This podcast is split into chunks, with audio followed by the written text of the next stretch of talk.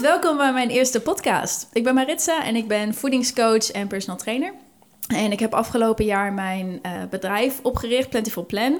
Het is een coachingbedrijf voor vrouwen die uh, een optimale gezondheid of het lichaam van hun dromen willen bereiken. En eigenlijk al heel veel ervaring hebben gemaakt met programma's en diëten om dat te doen. En dat gewoon nooit hebben kunnen vasthouden, nooit op een prettige manier hebben kunnen bereiken.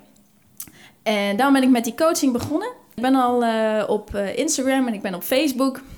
Maar ik wil jullie eigenlijk graag ook een mogelijkheid geven om op een hele simpele manier meer te horen over wie ik ben en wat ik in mijn privéleven doe en hoe ik erbij gekomen ben, wat ik doe. Dus ik kwam op het idee om podcast te maken. Nou doe ik dat niet alleen, want ik vind het nogal ja, saai eigenlijk om gewoon een monoloog te houden tegen een microfoon, want dat is de achterkant van, uh, van podcast opnemen. Dus ik heb Aldrik gevraagd om uh, mij te helpen. Uh, Aldrik mag zichzelf eventjes voorstellen. Yes, um, mijn naam is dus Aldrik en ik ben filmmaker. Ik heb mijn eigen bedrijf. Ik maak trouwfilms en commercials. En nou ja, sinds anderhalf jaar ben ik nu ook actief bezig met mijn gezondheid. En ik ben een goede vriend van, van Maritza inmiddels. Ja, en wij sporten samen. Af en toe. En wij helpen elkaar met elkaars content. Ja. Films, foto's. Ja. Dingen. Ja. En um, waarom hij er vandaag bij is, deze podcast gaat over um, mijn fitness en uh, eigenlijk gezondheidsachtergrond. Dus hoe ben ik begonnen, hoe ben ik gekomen bij waar ik nu ben, want ik doe dit al heel lang, bijna 15 jaar. En bijna niemand kent dit hele verhaal. Dus het leek me wel leuk om dat gewoon een keertje te delen, even een beetje uit de achtergrond.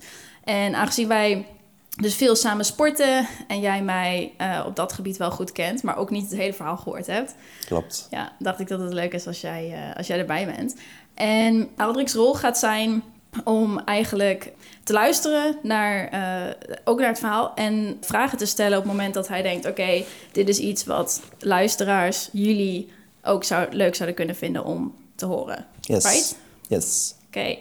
Goed. You ready? Yes, I am. Oké. Okay. Ja, jouw verhaal. Begin bij het begin zou ik zeggen. How far are we going back? Ja, nou ja, ik, ik denk teruggaan tot het moment dat je, ik denk, er bewust mee bezig was. En dat zal niet vanaf de wieg geweest zijn, maar... Nou, bijna. bijna, nou ja, dat is positief. Dat is ja. positief. Nee, maar uh, ja, uh, begin maar waar het... Uh, bij, bij het begin. Bij het begin. Ja, ik denk dat eigenlijk sport en gezondheid is, is een hele duidelijke leidraad überhaupt in mijn leven. En als ik terugdenk aan hoe ik was als kind, was ik altijd al een kind wat erop uit wilde. En niet stil kon zitten, niet op schoot wilde zitten. Uh, ik weet dat mijn moeder heeft foto's van mij dat ik gewoon even, dat ze mij even uit het oog uh, verloren was. En dat ik op de schutting geklommen was en bij de buren over de tuin keek, zo ongeveer. Hm. Dus, um, dus, dat is al hoe ik was. Ik was altijd al wel gewoon actief. Maar actief als kind. Um, heb je sport gedaan in het begin? Of um, wanneer ben je begonnen met sport? Want ik weet dat je wel een sportachtergrond hebt, maar... Ja, ik ben begonnen met sport ook best wel jong. Ik ben met, met vijf begonnen met jazzballet bij mijn moeder samen. Okay. Dat was heel schattig. en dat heb ik ook echt wel... Ja, dat vond ik ook echt heel leuk. Ja, dus als kind was ik wel actief. En ik denk dat mensen mij nu ook wel zien. En vooral sporters en mensen die mij volgen op social media... gewoon als de persoon die altijd met sport bezig is. Altijd met fitness bezig is. Altijd on the go en actief dingen doen en zo. Maar ik heb ook een tijd gehad waarin dat niet zo was. Ik ben namelijk als kind verhuisd naar uh, Duitsland. En ik was jong en weet je, je komt in een andere school en kinderen zijn hard. Dus ik werd in het begin wel een beetje gepest. En ik deed geen sport en ik had geen vrienden. En ik was gewoon, ja, als kind ben je dan gewoon een beetje je natuurlijke flow kwijt. Dus ik was ook niet actief. Ik deed niet zoveel ja, dingen die ik eerder altijd wel deed. En ja, ik, ik kan me nog goed herinneren dat ik. Nu zou dat waarschijnlijk niet meer zo zijn, maar ik was toen ook. Ik haatte schoolsport. Ik haatte het zo erg. En ik Terwijl je van sport houdt. Ja, ja maar ik was, en ik was er ook niet goed in. Ik, ik weet nog dat ik altijd als allerlaatste gekozen werd als we een of andere sportteam deden. en uh, ik was ook nergens goed in. Hm. Dus um, dat is, heeft vast ook wel meegespeeld dat ik het niet leuk vond. Um, en dat is eigenlijk mijn hele uh, lagere schooltijd wel zo geweest. Um, en op een gegeven moment toen, nou ja, toen ging ik naar een andere school. Toen kreeg ik uh, andere vrienden. En nou, toen begon ik me beter te voelen. En nou, ging het weer een beetje, ging ik weer meer dingen doen die ik altijd al gedaan had, die ik leuk vond. En uh, een van de dingen die ik altijd deed, was uh, met vriendinnen het bos in. En dan stippelden we een parcours uit. en dan klommen we over bomen heen en over hekken. En echt zo'n heel... Als sportparcours? Ja, sportparcours. Wat je dus nu doet met bootcamp? Ja, ja basically. Ja, dat is echt heel grappig. Maar ik had echt zo'n stukje, wat naast ons huis hadden we een stukje bos. En ik durfde weer dat ik echt elke steen en elke tak daar ongeveer kende. En elke nieuwe vriendin die ik had, kom, we gaan het bos in en we gaan dat, dat parcours doen. En uh, nou, ik vond dat natuurlijk helemaal niet eng, want ik had het al 20.000 keer gedaan. En ik heb echt vriendinnen gehad die ergens op een boom zaten en aan het huilen waren omdat ze er niet meer af durfden. Oh. ja, ja, dat was echt... En ik weet dat ik toen al altijd was van, kom op, je kunt, je kunt het. En um, ja, ik was, toen, ik was toen tien of zo. Dat is al heel lang geleden ja, en dat, dat is een van de eerste dingen die ik me kan herinneren die ik deed en die ik nu nog steeds doe. En gewoon toen als kind. Maar parcours maken. Ja, ja, nou, ja parcours, uh, uitdagingen. Uitdagingen bedenken van, en, en met mensen dat doen. En ook, ook uh, willen dat mensen dat leuk vinden en zo. En ja, ja dus dat, dat deed ik.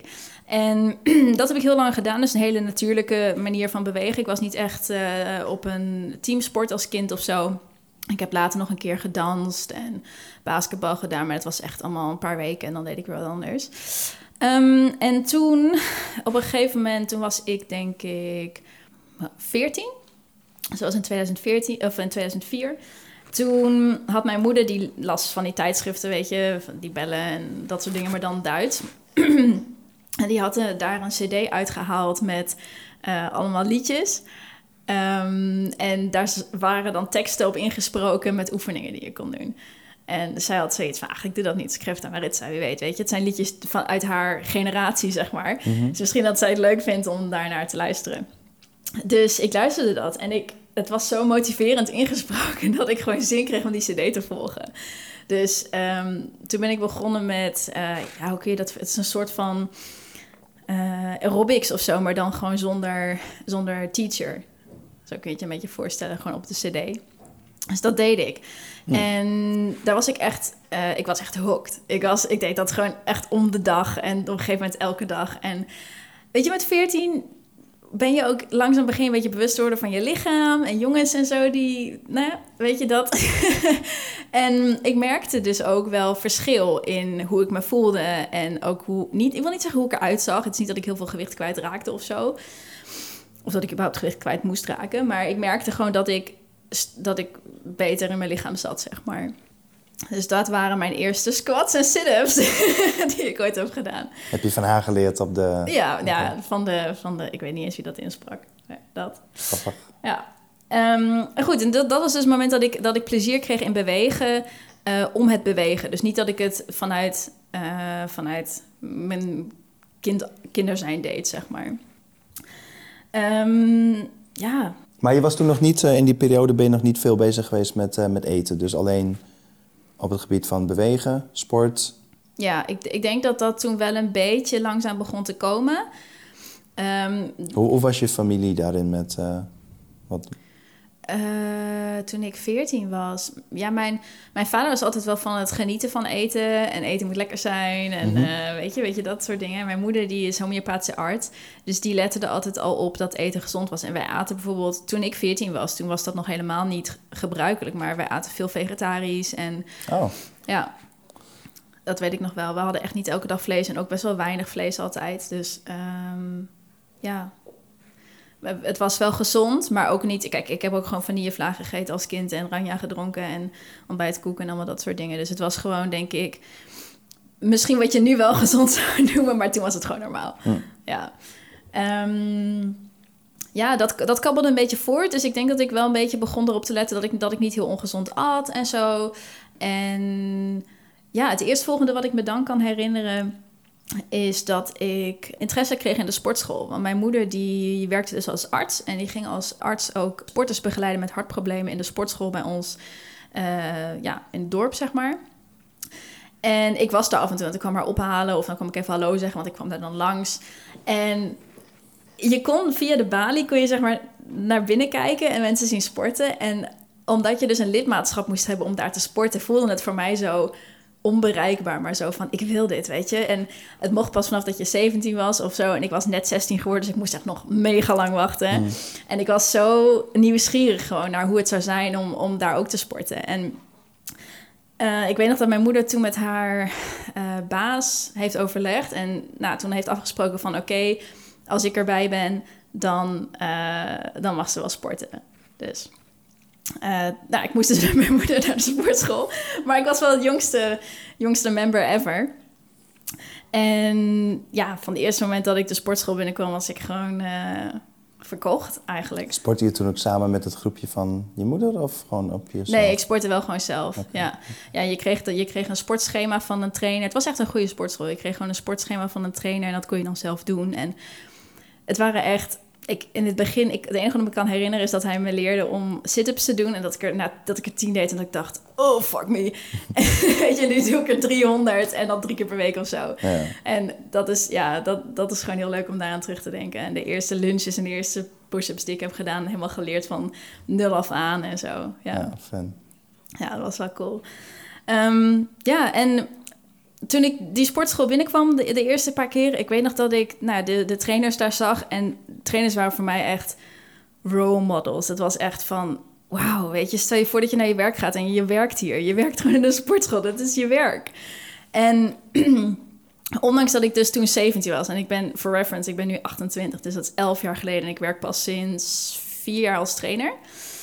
Dus dat is, daar zit een hele lange pauze tussen. Dus ondanks dat ik dat toen al dacht, kwam ik nooit op het idee om dat als werk te doen in het begin. Het Ik denk ook omdat dat komt. Ik bedoel, als ik dat aan mezelf refereer, dat je nog niet weet of het überhaupt mogelijk is. Ja, Want op het moment dat je een soort van denkt dat het iets van mogelijk is, en in mijn geval was het toen zeg maar een camera betaalbaar werd, toen zag ik pas dat het mogelijk was. ja. En in jouw geval was dat? Ik denk dat het komt omdat ik uit een familie kom die heel academisch was en iedereen Ja. studeerde. En ik, ik had het idee dat sport een, dat je dan naar de sportacademie moest of zo. Ik denk dat dat ook toen zo was. Ja. Ja. En ik, dat was gewoon niet bij ons. Het was gewoon loos dat je ging studeren. En ook op school, ik had alleen maar vriendinnen die alleen maar hele hoge doelen hadden met hun, um, voor hun latere carrière en werk. En ja, ik weet niet, het was, het was denk ik een onbewuste wens, maar het, het was niet naar de, naar de oppervlakte Hm. gekomen Nee, op dat dat moment. klinkt logisch. Maar goed, dat was, dat was mijn, mijn moment of love in elk geval. Dus toen was ik wel Grappig. eigenlijk verkocht. Yes. Ja, doordat ik dan lid was van de sportschool, kreeg ik ook wel vrienden die daar... eh, nou, een beetje, die waren natuurlijk iets ouder, want ik was heel jong. Maar gewoon andere jongeren die dan daar sporten. En dat werd een, een, eh, een vriendenclubje. Hm. Eh, het was echt dedicated. Wij gingen gewoon echt... We zaten met z'n, met z'n 15 of zo zaten we in een groep, in een WhatsApp-groep. En op volgens mij was nog niet eens WhatsApp. We hadden wat een Facebook-groep of zo. En ze zei, hey, ga je straks sporten? Ja, ik ben er ook. En er was altijd wel iemand. Dus ik, dat was echt mijn second home.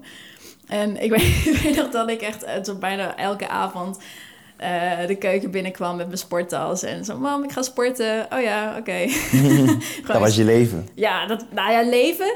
Het was, ik denk dat het was, het was mijn light. Het was gewoon mijn, dat was gewoon hetgene waar ik naar uitkeek. Ik, Ja. ik ging naar school en dat was prima. En ik, ik sprak met vriendinnen of dat was leuk. En sporten was gewoon echt, I get to work out, weet je Mhm. zo. Dat was gewoon superleuk. Leuk.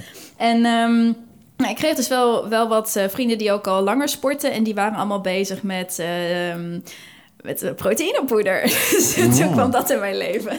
Uiteraard, het Ja. sportwereld. Ja, sportwereld inderdaad. En eh, ook wel mensen die, ook wel jong, jongens die gewoon echt aan het beelden waren. Echt een beetje bodybuilding en zo. En die lazen ook allemaal sporttijdschriften. En toen kreeg ik op een gegeven moment van iemand die had ze allemaal uitgelezen, kreeg ik een hele stapel. Dus ik begon me te verdiepen in die sporttijdschriften, weet je. En daar staat alles in met eh, eet je kwark, eet je tonijn, eet, een, eet je ei en dat soort dingen. Dus ik ging dat ook doen, want ik dacht, oh, dan zie ik er ook zo uit. En ik was helemaal dedicated om dan eh, mijn beste versie ooit te worden. dus dat, ehm, dat heb ik toen een tijdje gedaan. En dat werkte ook best wel goed. Ik heb ook, dat is ook trouwens de tijd waarin ik alle dingen geprobeerd heb die ik zo allemaal ongeveer geprobeerd heb. Ik Met heb oog op eten. ja, je? met oog op eten. Ja, ik heb low carb gedaan toen. Ik heb s s'morgens eh, niet gegeten en dan zeg maar het eten van de dag in een kortere tijd gedaan, wat nu intermittent fasting heet. Ehm, Toen had dat het label nog niet, gok ik. Nee, dat heette toen nog niet zo. Nee, nee. Ehm, ja, allerlei dingen. Ja. Ehm, en ik heb ook wel sportdingen eh, voor de eerste keer gedaan. Dus ik heb mijn eerste yogales gevolgd, ook bijna tien jaar geleden dus nu. Spinning ben ik mee begonnen.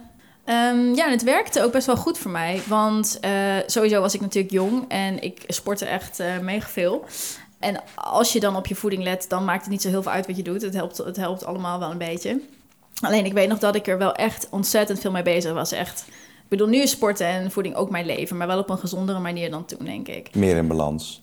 Ja, en wat, ik heb er wat nuchterder kijk op of zo. Ik was toen echt, ik, pff, ik had nooit iets ongezonds. En als ik ging stappen, dat doe je als je jong bent, hè, de alcohol dronk of zo, dan uh, had ik de dag daarna had ik vet weinig, want dan moest ik dat compenseren en zo. Hè? dus uh, dat deed ik wel. En ik heb toen een uh, tussenjaar gehad na mijn eindexamen. En in die tijd, dat was echt gewoon madness. Dat was denk ik mijn minst gebalanceerde periode. Ik sportte twee keer per dag, want ik had toch niks te doen. Ik had een bijbaantje en dat was het. Dat was echt 20 uur per week of zo. Dus ik sportte s morgens, ik sportte s avonds. Ik twee, dagen, twee uh, momenten op de dag dat ik sportte. Uh, vaak iets van s morgens hardlopen of yoga en dan s'avonds nog een keer krachttraining. En ik was heel erg bezig dus met mijn voeding. En uh, ik had ook heel erg die overtuiging van hoe minder, hoe beter. Dus ik at, denk ik... Hoe minder eten, hoe, hoe beter? minder eten, hoe beter, ja. Okay. Het is van 1500 calorieën of zo. Met uh, op oh, een jong persoon met zoveel sporten, dat is natuurlijk echt super weinig. Dus mm -hmm. ik was wel dun, maar ik was ook fluffy as fuck. Mm -hmm. Want ja, zo kun je natuurlijk geen, uh, geen spieren onderhouden. Um, je kan conditie onderhouden, maar niet de spieren. Mm, ik denk ook niet dat ik een hele goede conditie had, eerlijk gezegd. Want ik at zo weinig calorieën ook gedurende de dag. Als ik ging hardlopen, was ik na 10 minuten moe. Omdat nee, mijn lichaam het nee. gewoon nergens vandaan kon halen. Nee. Dus ik dacht dat ik toen ik keek in de spiegel en ik dacht, oh, weet je, je ziet er goed uit, dus je bent goed bezig. Maar vergeleken met hoe ik me later voelde, was het wel even zo'n besef van, oké, okay, zo voel je je dus als je wel genoeg eten binnenkrijgt. Um, ja, en toen kwam je in je, in je studententijd. Ja. Uh, hoe is dat gegaan? Want studenten hebben over het algemeen wel aardig wat druk op zich. uh, studenten eten ook altijd super gezond. Ja, not. nee, nee, ik heb echt ik heb echt vriendinnen die wel gewoon echt uh, pizza als ontbijt... en huisgenoten die pizza als ontbijt aten. En, uh... Maar het is, het is ook lastig toch om als student uh, goed te eten in de zin van... omdat je vaak druk bent met, met ja. schema's en... Ik moet zeggen dat ik niet zozeer last had van de druk. Want voor mij was altijd ook, ook als ik een hele dag moest studeren, ik ging juist sporten om te compenseren. En ik heb altijd al die gedachte gehad van als ik nu sport, dan kan ik straks ook weer beter studeren. En dat was ook zo. Dus daar heb ik nooit echt moeite mee gehad. Je gebruikte dat als uitlaatklep, zeg ja, maar. dat was uh, altijd wel gezond, denk ik, een gezonde balans. Maar ik had zoveel, ik heb ook bij een vereniging gezeten en ik had zoveel sociale verplichtingen met drank, met hapjes. Uh, dat het gewoon heel lastig was om daarin gezond te blijven. Je wilde gezond eten en de rest wilde dat niet. En je bent afhankelijk, want je eet samen. En mm-hmm. um, ik had toen nog niet, want niemand, ik bedoel van vroeger uit Duitsland.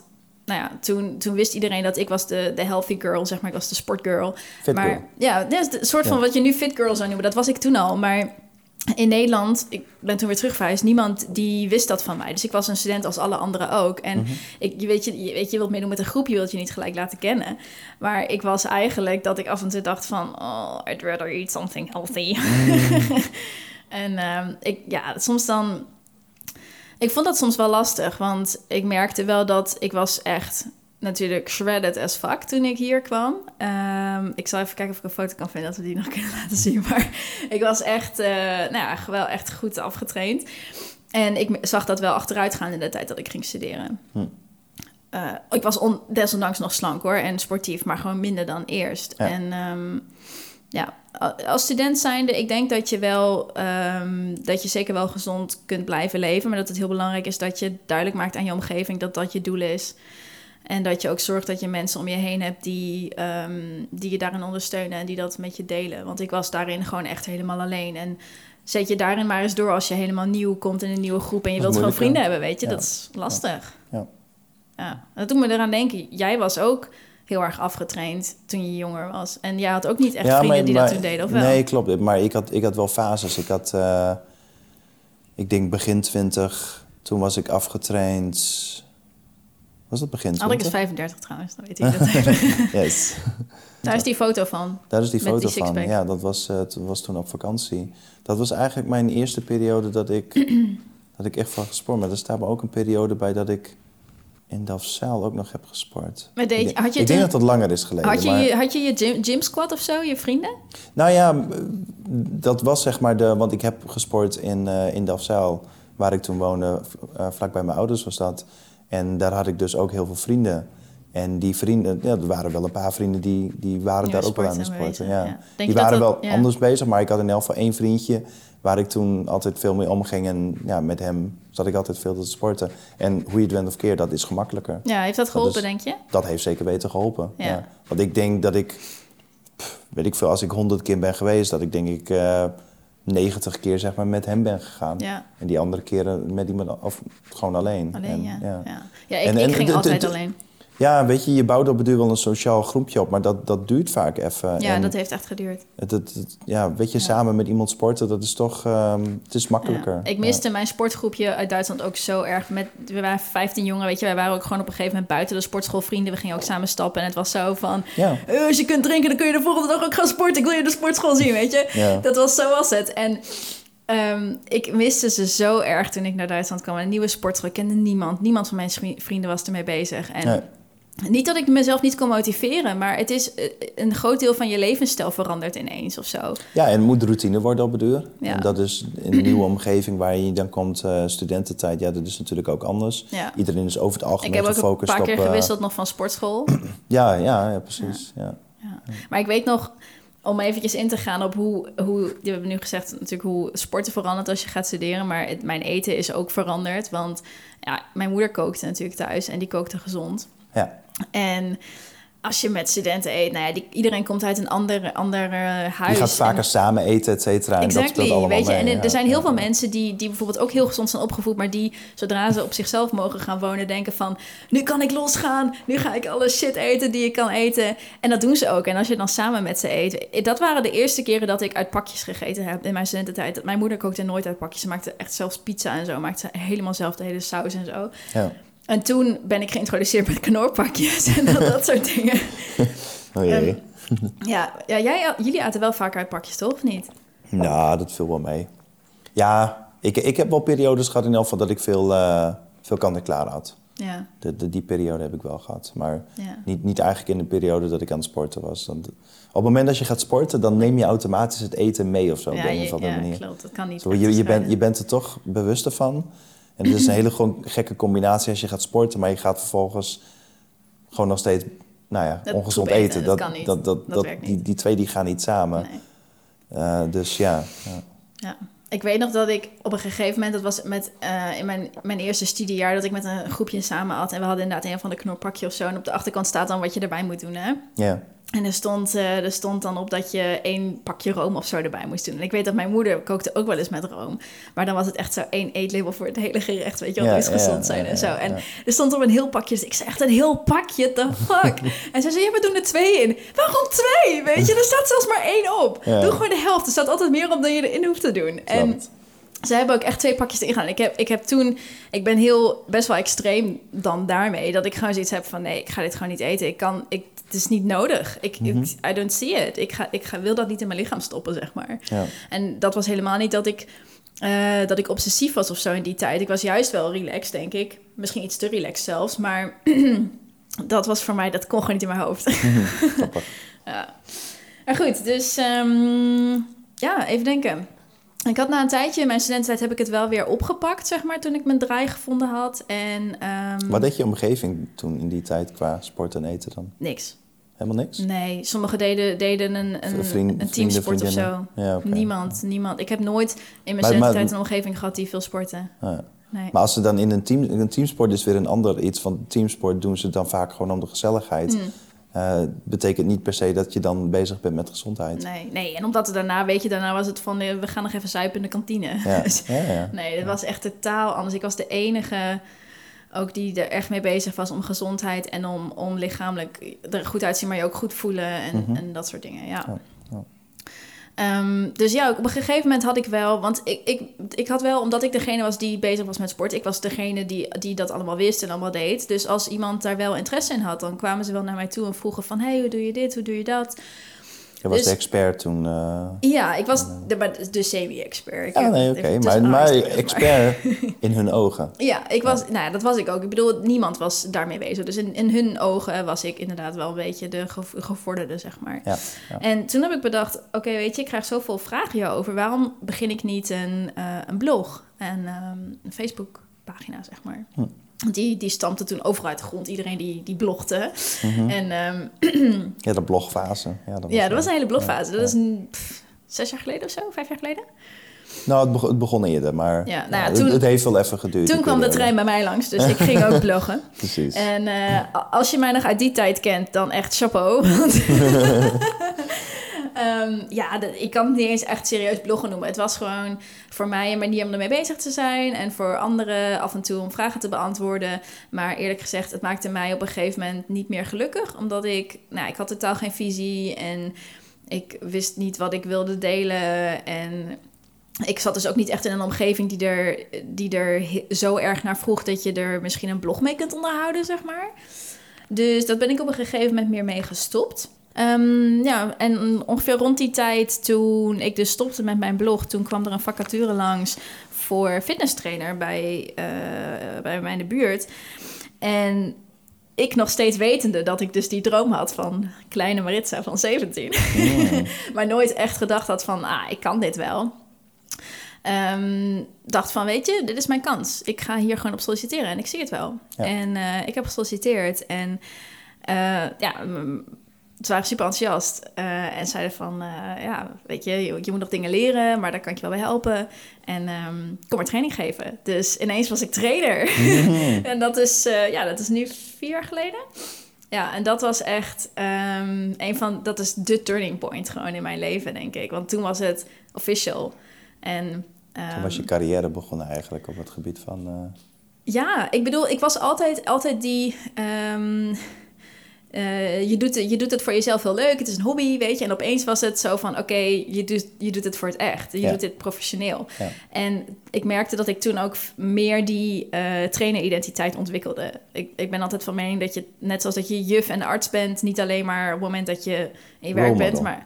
Nou ja, je bent, je bent het on en off. Je bent, Ja. het al, Oh ja, je bent ja. altijd trainer. Net zoals dat je altijd politieagent bent je bent de, in je bent de zin. identiteit. Je bent de identiteit. Dus ik kreeg toen echt de traineridentiteit voor mezelf. Ik weet niet hoe dat voor anderen was, maar voor mijn gevoel. En ik heb daar eh, een jaar gewerkt. Eh, iets van drie, drie lessen in de week gegeven. Oh my god, I freaking loved it. Het was Mhm. echt mijn highlight van de week. Ik vond het echt fantastisch. En desondanks heb ik op dat moment ook nog niet gedacht dat ik daarin zou kunnen werken als echt. Het was echt zo, oh ja, maar dat is mijn bijbaan. Het gewoon voor de ja, leuk. precies. Ja. Ik, het kwam gewoon niet in me op. Weet je, ik studeerde nog en ik, ik had zoiets voor. Ik studeerde psychologie en ik had zoiets van ja, maar ik word ga naar Am- Amsterdam en ik ga, weet je, de site als werken. En ehm Mhm. ik kwam niet in me op dat, dat ik sport als baan kon doen, zeg maar. Ja. Ja, dat heeft even tijd nodig om te realiseren, denk ik. Ja. En, eh, en toen, wat, eh, wat ging je daarna doen? Mm, ik denk dat het belangrijk is nog eventjes te- te zeggen in die tijd met eten. Want in die tijd ben ik veganistisch gaan eten. Dat was vier jaar geleden nu. Eh, drie jaar geleden. Drie jaar. Drie jaar, ja.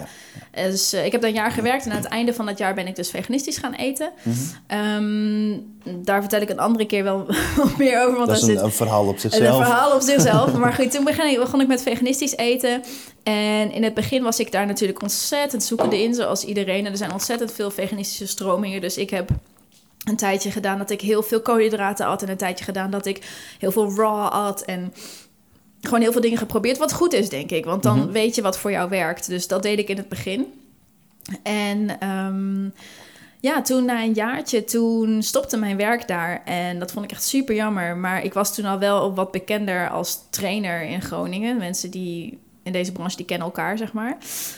En toen kwam mijn huidige werk op mijn pad. En die vroegen mij of ik gelijk voor best wel veel uur bij hun wilde beginnen. Dus ik vond het best wel, ik vond het best wel scary. Want ik had zoiets van, wow, het is best wel veel uur. En weet je, ik studeer nog en red ik dat wel. En toen dacht ik echt van, ja, maar dit is gewoon mijn kans. En ook mijn de hoofdtrainer destijds, de hele tijd mijn collega geweest, die was zo enthousiast en die was van ja, je, je lukt je wel. En Hmm. weet je, ik had geen opleiding, dus ik had zoiets van wow, als ze mij leuk vinden, ondanks dat ik dit gewoon helemaal niet geleerd heb, dan ja, ik moet dit gewoon doen. Ja. En nou, toen ben ik toen mee begonnen en ben best wel snel omhoog gegaan in uren. En ook in, in taken en dingen die ik mocht doen. En ik heb opleidingen gevolgd toen. Eindelijk. Tien jaar de opleidingen. dus ehm, eh, dat. En eh, dat werk doe ik nu nog steeds voor een deel. On, on en off met meer uren, minder uren, meer taken, minder taken. Ja. Maar eh, dat is wat ik nog steeds doe. En ehm, dat is ook het werk wat ehm, ertoe geleid heeft dat ik mijn, mijn eigen bedrijf ben begonnen. Want het is eh, voornamelijk sport. Ik doe een beetje voedingsbegeleiding in mijn, eh, in mijn andere werk, maar het is voornamelijk sport. En ik wil heel graag dat die voedingscomponenten ook overbrengen, zeg maar. Ja. Meer samen laten werken. Ja, het zou echt mijn doel zijn om, om inderdaad gewoon ehm, beide evenveel te kunnen doen. Ja, het, is, het hoort sowieso bij elkaar. Dus het is, Ja, dat vind ik gewoon heel belangrijk. Ja. Ja. Ehm, om nog even terug te gaan naar mijn huidige werk. Dat is ook waar ik mijn eigen visie op sport eh, meer ontwikkeld heb. Ik volgde eerder altijd gewoon schema's van van trainers of schema's die ik dan zelf had opgesteld, eh, die ik wist nog, die ik had gekregen van trainers of oefeningen die ik van internet haalde. En in, nu de afgelopen twee jaar, weet je, op een gegeven moment dan heb je zoveel kennis vergaard en dan kun je zelf dingen bedenken. Dan, word, je- dan bereik, bereik je dat niveau, zeg maar. Ja. Dus ik kwam echt erin van, oké, ik heb zoveel gedaan in mijn leven en ik was een beetje uitgekeken op alleen maar eh, alleen maar in de sportschool altijd weer dezelfde bicep curl en altijd weer dezelfde type squat. En ehm, ik kreeg wat, een wat openere blik op eh, hoe je een trainingsschema in kunt vullen. En ik dacht, weet je, ik heb zoveel gedaan. Waarom pak ik niet uit alles wat ik heb gedaan de dingen die ik leuk vind en de dingen waarvan ik weet dat ze werken en maak daar mijn eigen sport van, zeg maar. En ik denk niet eens dat ik dat zo bewust dacht, dat dat ging een beetje onbewust, maar ik, ik, ik bedacht zelf oefeningen. Ik maakte een combinatie in, in schema's van.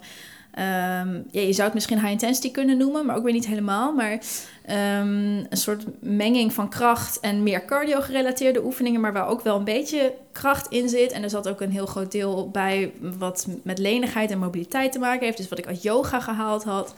En dat is nu mijn manier van sporten. Ik Hm. noem dat ook flexible training. En dat is ook waar jij in beeld kan. Want jij hebt met mij het eerste filmpje opgenomen Ja, van, van film. flexible training vorig Yes, jaar. Klopt. Ja. Ja. Eh, het is een, eh, een workout video eh, waarin ik eigenlijk laat zien hoe ik, hoe ik zelf sport. Omdat ik daar dus wel vaak naar gevraagd word. Ja. En dat is nog steeds een van mijn favoriete manieren om te trainen. Omdat het gewoon heel vrij is, heel open, alles kan. Het kan op een plek waar je wilt. Het hoeft niet in een sportschool. Het kan buiten, het kan binnen. niet met apparaten. Nee, het is sowieso... Ja, soms is het met apparaten, maar dan is het vaak op een, op een manier waarop je het apparaat gebruikt... Waarop het, eigenlijk- waarvoor het eigenlijk niet is, zeg maar. Mhm. Ik bedoel, je hebt die, die rowing machine. En in plaats van dat ik daarop ga zitten... dat ik dan ga roeien... zet ik dan mijn voeten op het zitvlak... en trek dan bijvoorbeeld mijn benen naar me toe in een plankhouding. Dus dan heb je, Ja. heb je veel meer app... eh, een app-oefening. Eigen- Eigenlijk op het moment dat je dus veel eh, meer kennis vergaart op dat gebied, dan kun je je eigen eh, oefeningen bedenken, omdat je dus weet wat de uitkomst is Ja. van een bepaalde eh, oefening. Nou, je weet... En, dat- je- en dat is heel waardevol eh, op een duur. Ja, ik vind dat wel. Ik heb echt geleerd ehm, hoe, je, eh, hoe je moet bewegen om welke spier te trainen. Ja, precies. En ja. eh, als je dan een beetje creatief bent, dan zie je gewoon zoveel mogelijkheden in de sportschool. Ja. En op een gegeven moment dacht ik van niemand zegt tegen mij dat ik het apparaat op deze manier moet Nee, gebruiken, nee, klopt. weet je? Nee, maar vaak, Ja. eh, vaak er staat zeg maar een, een, een apparaat in de sportschool en dan zie je vaak een paar van die tekeningen Mhm. hoe je het moet, moet gebruiken. Eh, maar het is juist leuk om daarvan af te wijken dan het apparaat te gebruiken waarop iedereen kijkt zo van, hè? Oh, kun je dat ook op die manier doen? Ja. Nee, ik Dat- word, dat is heel erg leuk. Ik word wel vaker in de sportschool aangesproken door mensen die zeggen dat ik zulke leuke oefeningen doe en of ze mijn naam mogen doen. Dat Ja. ja, Ja. dat is wel Waarom- leuk. Waarom zouden ze niet na mogen doen? Nee, ja, daarom. Ik was van, tuurlijk, Copyright. doe het. Sure, weet je. toch Superleuk alleen maar alleen maar. Ja. Ja, ja. En ehm, ik ben wel fan van de, van de old school dingen, hoor. Ik, ik ben echt fan van squats en lunches en Er is push-ups. een reden waarom dat zo populair is natuurlijk, Ja, weet het je, goed werkt. tuurlijk, er is altijd wel weer een nieuwe, een nieuwe eh, hype om te volgen. Maar dat zijn de oefeningen, die zijn niet voor niks gewoon heel goed. En ik, Klopt. ik hou heel erg van compound oefeningen. Dus oefeningen die gewoon meerdere lichaamsdelen in één keer aanspreken. Of gewoon je lichaam best wel uitdagen in beweging, zeg Ja. maar. Ja, ja. En dus die doe ik veel. De- Eigenlijk kun je alles wel een beetje daarop, eh, daarop terugvoeren. Ja. Ja, dus ehm, even denk ik, waar, zijn we in de tijdlijn?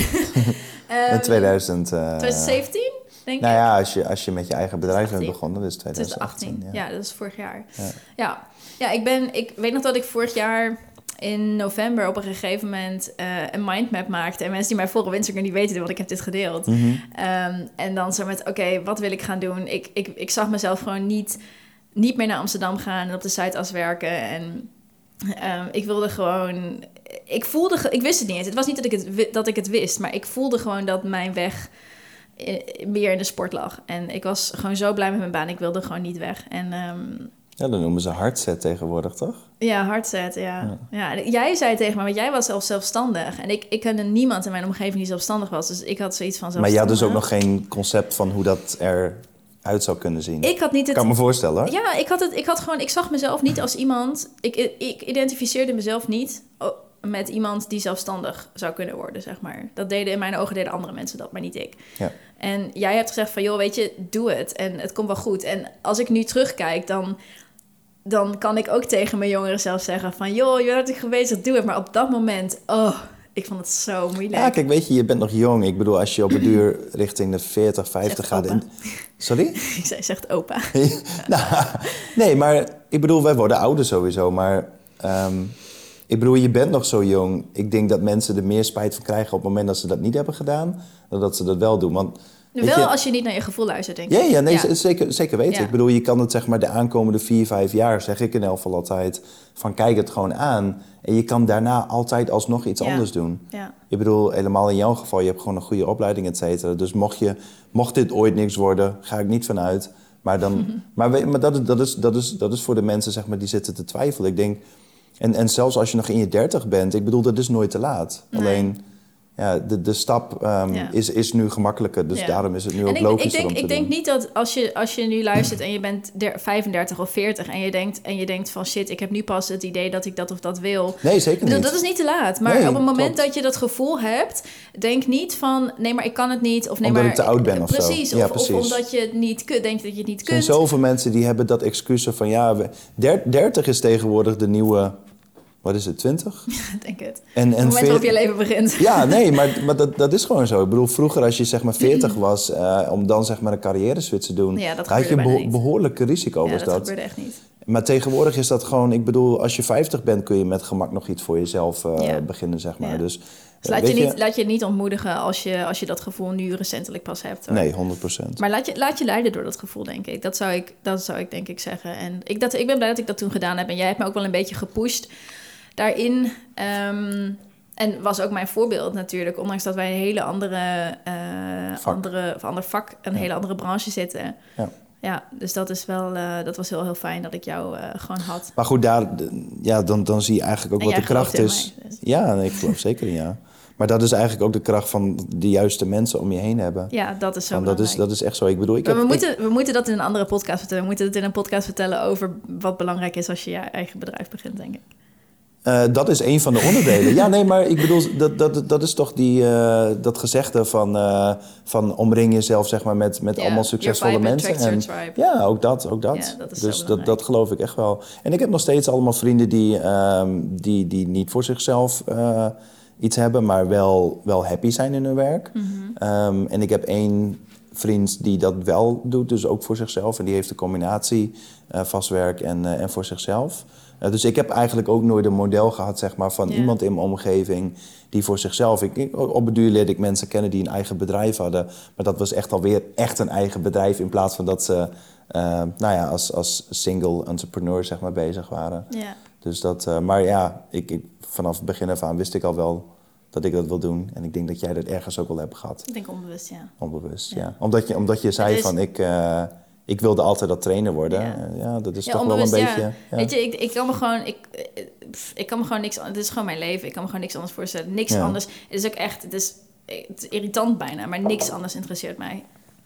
Nee, maar dat, dat is een teken dat ik je, ben, dat je ik doet ben wat je zo moet doen. veel uur op een dag bezig met sport en Ja. met voeding. En, en Je soms- ademt eh, sport in. Ja, maar uit weet je, ik wil dat ook zijn. Ik wil, ik wil die persoon zijn die gewoon... Want als je, dit, als je dit jaren doet, dan word je zo goed in wat je doet. En ik Oh, wil die persoon 100%, zijn die ja. gewoon alle kennis heeft en dit al zo lang doet. En dat gaat ten koste van, van andere hobby's. Maar als dat is wat je wilt, als dat is wat je gelukkig maakt, weet je? Ja, maar het heeft altijd een prijs. En, Ja. ehm, ik bedoel, je kan op het duur niet zeg maar blijven stappen en blijven zuipen en vervolgens ook nog gezond zijn. Nee, Die- oh, het, is altijd... Die twee die gaan niet samen, Nee, het dus is altijd, een prijs. Ja, Ja, En ik zie, het niet als, ik zie het niet als los, want ik wil dit zo graag en dan ervaar je het ook niet zo. Klopt.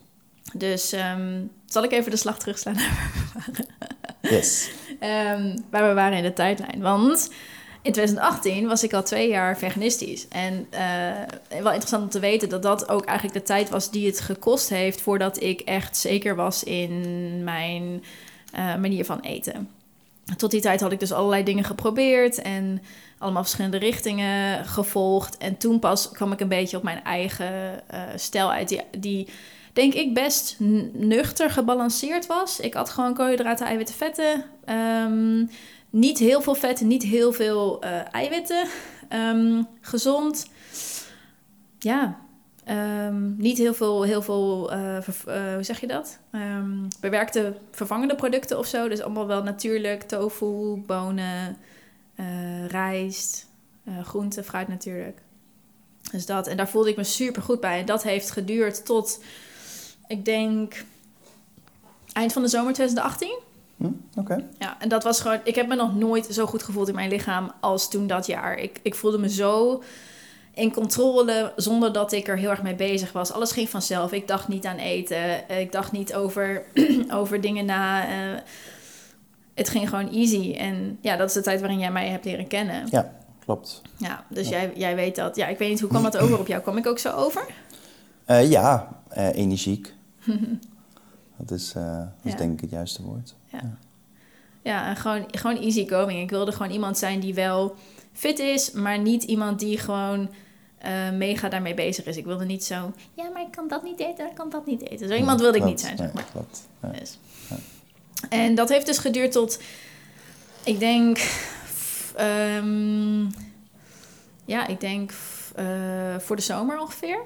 Want toen kreeg ik steeds meer last van, eh, van dat ik oververmoeid was en de uitputting. En ja, als je daar interesse in hebt in dat verhaal, daar kun je een blog van vinden op mijn website. Ehm, maar dat is een lang verhaal, dus dat zal ik nu niet helemaal aanstippen. Maar ehm, toen, ja, doordat ik oververmoeid was, je energie ui- in je lichaam verandert. En eten is ook een vorm van energie. Dus hoe, hoe ik met eten omging en hoe mijn lichaam met eten omging, dat veranderde ook. Ik deed hetzelfde, maar het gaf me niet meer diezelfde energie. En ik deed hetzelfde, maar ik merkte toch dat ik eh, vaker nog honger had. En ehm, ja, dat, dat het niet meer het eten wat ik altijd had gegeten, niet hetzelfde deed voor mijn lichaam, zeg maar. En eerlijk gezegd, mm, ik ben toen door een paar maanden gegaan waarin ik bezig was gewoon met, met gezond worden. En waarin dat niet mijn prioriteit was om, ehm, om bezig te zijn met dat mijn lichaam er goed uitzag en dat ik me nou top voelde. Ik wilde me gewoon normaal voelen. Dat was mijn eerste doel.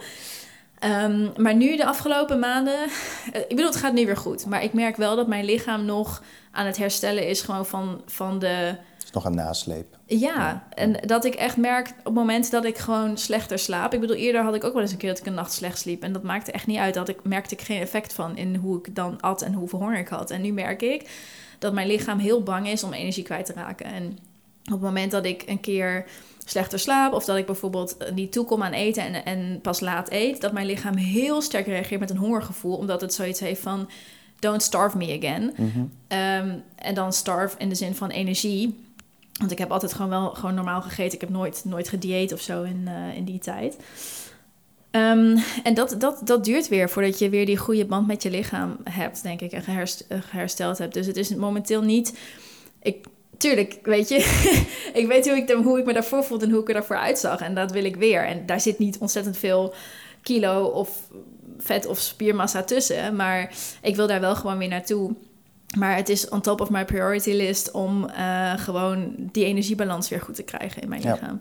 En de rest komt dan ook wel. En dat was in, daarvoor ging dat ook op die manier. Ik was eerst bezig met me goed voelen en mijn energie. En mijn, dat mijn lichaam veranderde, ging toen pas later. Ja, Duidelijk. is dat. Yes. Yes. En ehm, ja, dat, is, dat speelt tot nu, denk ik. Dus we zijn, eh, we zijn in het nu aangekomen. Hmm. Ja. En wat zijn de plannen voor nu? Ehm, ja, ik denk, het blijft voor mij altijd. ehm, en ik denk dat dat voor iedereen geldt die, die in dit vak zit en die, dat, die het ook graag doet. Je bent nooit uitgeleerd. Niet, niet in, je, in, je, in je expertise en niet voor jezelf. Ik ben altijd op zoek naar, naar de beste manier waar, waarop ik me het beste voel. De gezondste manier om te leven en te eten. De leukste manier om te sporten. En Wetenschap gaat natuurlijk ook door. ja, de wetenschap gaat ook door. En het is niet dat ik de wetenschap volg als een religie, maar je laat je, je, laat je inspireren. Je, je hebt een, een basis waarop je, eh, op basis waarvan je dus de keuzes maakt die je, die je doet.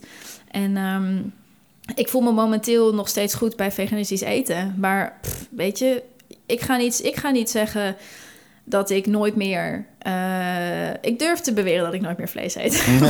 en nooit meer, nooit meer zuivel. Ik eet al pff, ik, tien jaar geen zuivel meer. Maar ehm, ik durf niet te zeggen dat ik nooit meer ei eet. Als op een gegeven moment wordt uitgevonden dat, dat ei hartstikke goed is voor je. Ik ga niet zeggen dat ik dat niet meer eet. Nou ja, daarom zei ik, kijk, wetenschap gaat verder. En eh, ik, ik volg het persoonlijk wel in die zin. En ik vind het ook altijd interessant om te horen dat wanneer hun achter iets achterkomen... dat is voor mij iets dan om over na te denken natuurlijk. En eh, ja, Ik geloof je, je, in- je, ja. je, je, je- je hebt het verhaal van, eh, van Steve Jobs een keer verteld. Mm. En dat, eh, ja, dat vond ik wel interessant. Welke? Dat hij, dat hij ook veganistisch was. Ja. Ja. ja, nou ja, maar dat dat vervolgens ook... eh, Ja, nou ja, Steve Jobs was, was dus ook veganistisch en ehm, hij ja, is gestorven aan kanker, maar heeft dat ook niet willen behandelen, omdat hij ervan overtuigd was dat hij zo gezond leefde dat, dat hij zelf dat kon genezen. En ik weet niet of dat waar is, dat is wat ik gehoord heb. Ik weet niet, ik heb zijn, zijn biografie ook niet gelezen, maar ik wil niet iemand worden die blind wordt voor, voor dat nieuwe informatie. Ik, dat bedoel ik inderdaad. Ja. Ja, ja. En ik denk dat als je veganistisch bent, dedicated en je hoort dit, dat je, dat je enige wrok aan het creëren bent. Omdat ik, omdat ik een enigszins een opening laat dat ik ooit niet meer veganistisch ben. Maar voor mij, het hoogste doel is niet veganistisch zijn. Het hoogste doel voor mij is het gezond, het gezond ook zijn. Ja, en weet je, moment, momenteel ben ik heel erg zo van... ik kan me niet voorstellen dat ik ooit weer minder koolhydraten ga eten... Maar als er een manier is voor mij waarop ik me goed voel met minder koolhydraten en die bewezen goed voor mij is, dan sluit ik het niet uit. Nee. Ik wil niet iemand worden die, die niet zich verder kan ontwikkelen omdat hij zichzelf vastgezet heeft. Ja. Ja. Dat is heel wijs. Dat, Ja. eh, En dat geldt ook voor mijn, voor mijn, voor mijn bedrijf, denk ik. ik. Ik heb dat ook eh, in mijn disclaimer staan als mensen eh, klant bij mij worden, dat eh, voedingsadvies, eh, coaching, dat het zich ontwikkelt. ja. En ik, ik geef sowieso Wat, wat, niet... wat dit jaar goed advies kan zijn, kan over twee jaar eh, obsoleet Ja, zijn. ja En of in elk geval Ge geëvalueerd. Ja, Ja, ja, ja, ja. Dat is een betere En het is niet zo dat ik, dat, ik, dat ik heel vaak specifiek zeg wat mensen moeten eten hoor. Maar ehm, ja, kennis die er nu is van intermittent fasting. Ik bedoel, niet zo heel lang geleden, vijf jaar geleden, toen was het nog ehm, een ges- geschreven regel dat je moest ontbijten. En Ja. nu is er intermittent fasting en mensen gaan daar ontzettend goed op. En de wetenschap ondersteunt het. Ja. Dus iedereen die, die he- zich heeft vastgehouden aan het feit dat je, dat je per se moet ontbijten, die moet daar niet op terugkomen. Dat is uit eh, de tijd van Schijf 5, toch? Het van vijf is nog steeds actueel. Ja, oké, maar toen het begon. Ja, ik weet niet. Volgens mij is de schijf van vijf al best wel oud. Maar die wordt Ja, gewoon steeds weer ik. Ja. vernieuwd. Ja. Ja, ja, uiteraard. Ja. Ja. Ja, ja, Ja. Nee, maar goed, dat is denk ik een Ja, goed voorbeeld om je, zo, om je te realiseren dat je, dat je verder gaat. Ja, klopt. ik ik Ja, eet ook ja. niet meer op dezelfde manier veganistisch als toen ik het deed in het begin. Nee. En ik ben ook van plan om daarin verder te gaan. Ja. Dus. Ja. ja. En eh, dat is hetzelfde met het proteïneverhaal. Ja, denk het. Ik ben momenteel, ik was heel lang, eh, heb ik geen proteïne eh, ge- extra genomen als proteïnepoeder. En nu ben ik, ben ik BCAA's aan het proberen. Dus dat is een, eh, ook een, niet een proteïnepoeder, maar wel aminozuren die, eh, nou ja, die ook je sport eh, kunnen ondersteunen. Gewoon omdat ik Dat wil... is die biologisch... eh, Ehm, nee, dat zijn die lysine.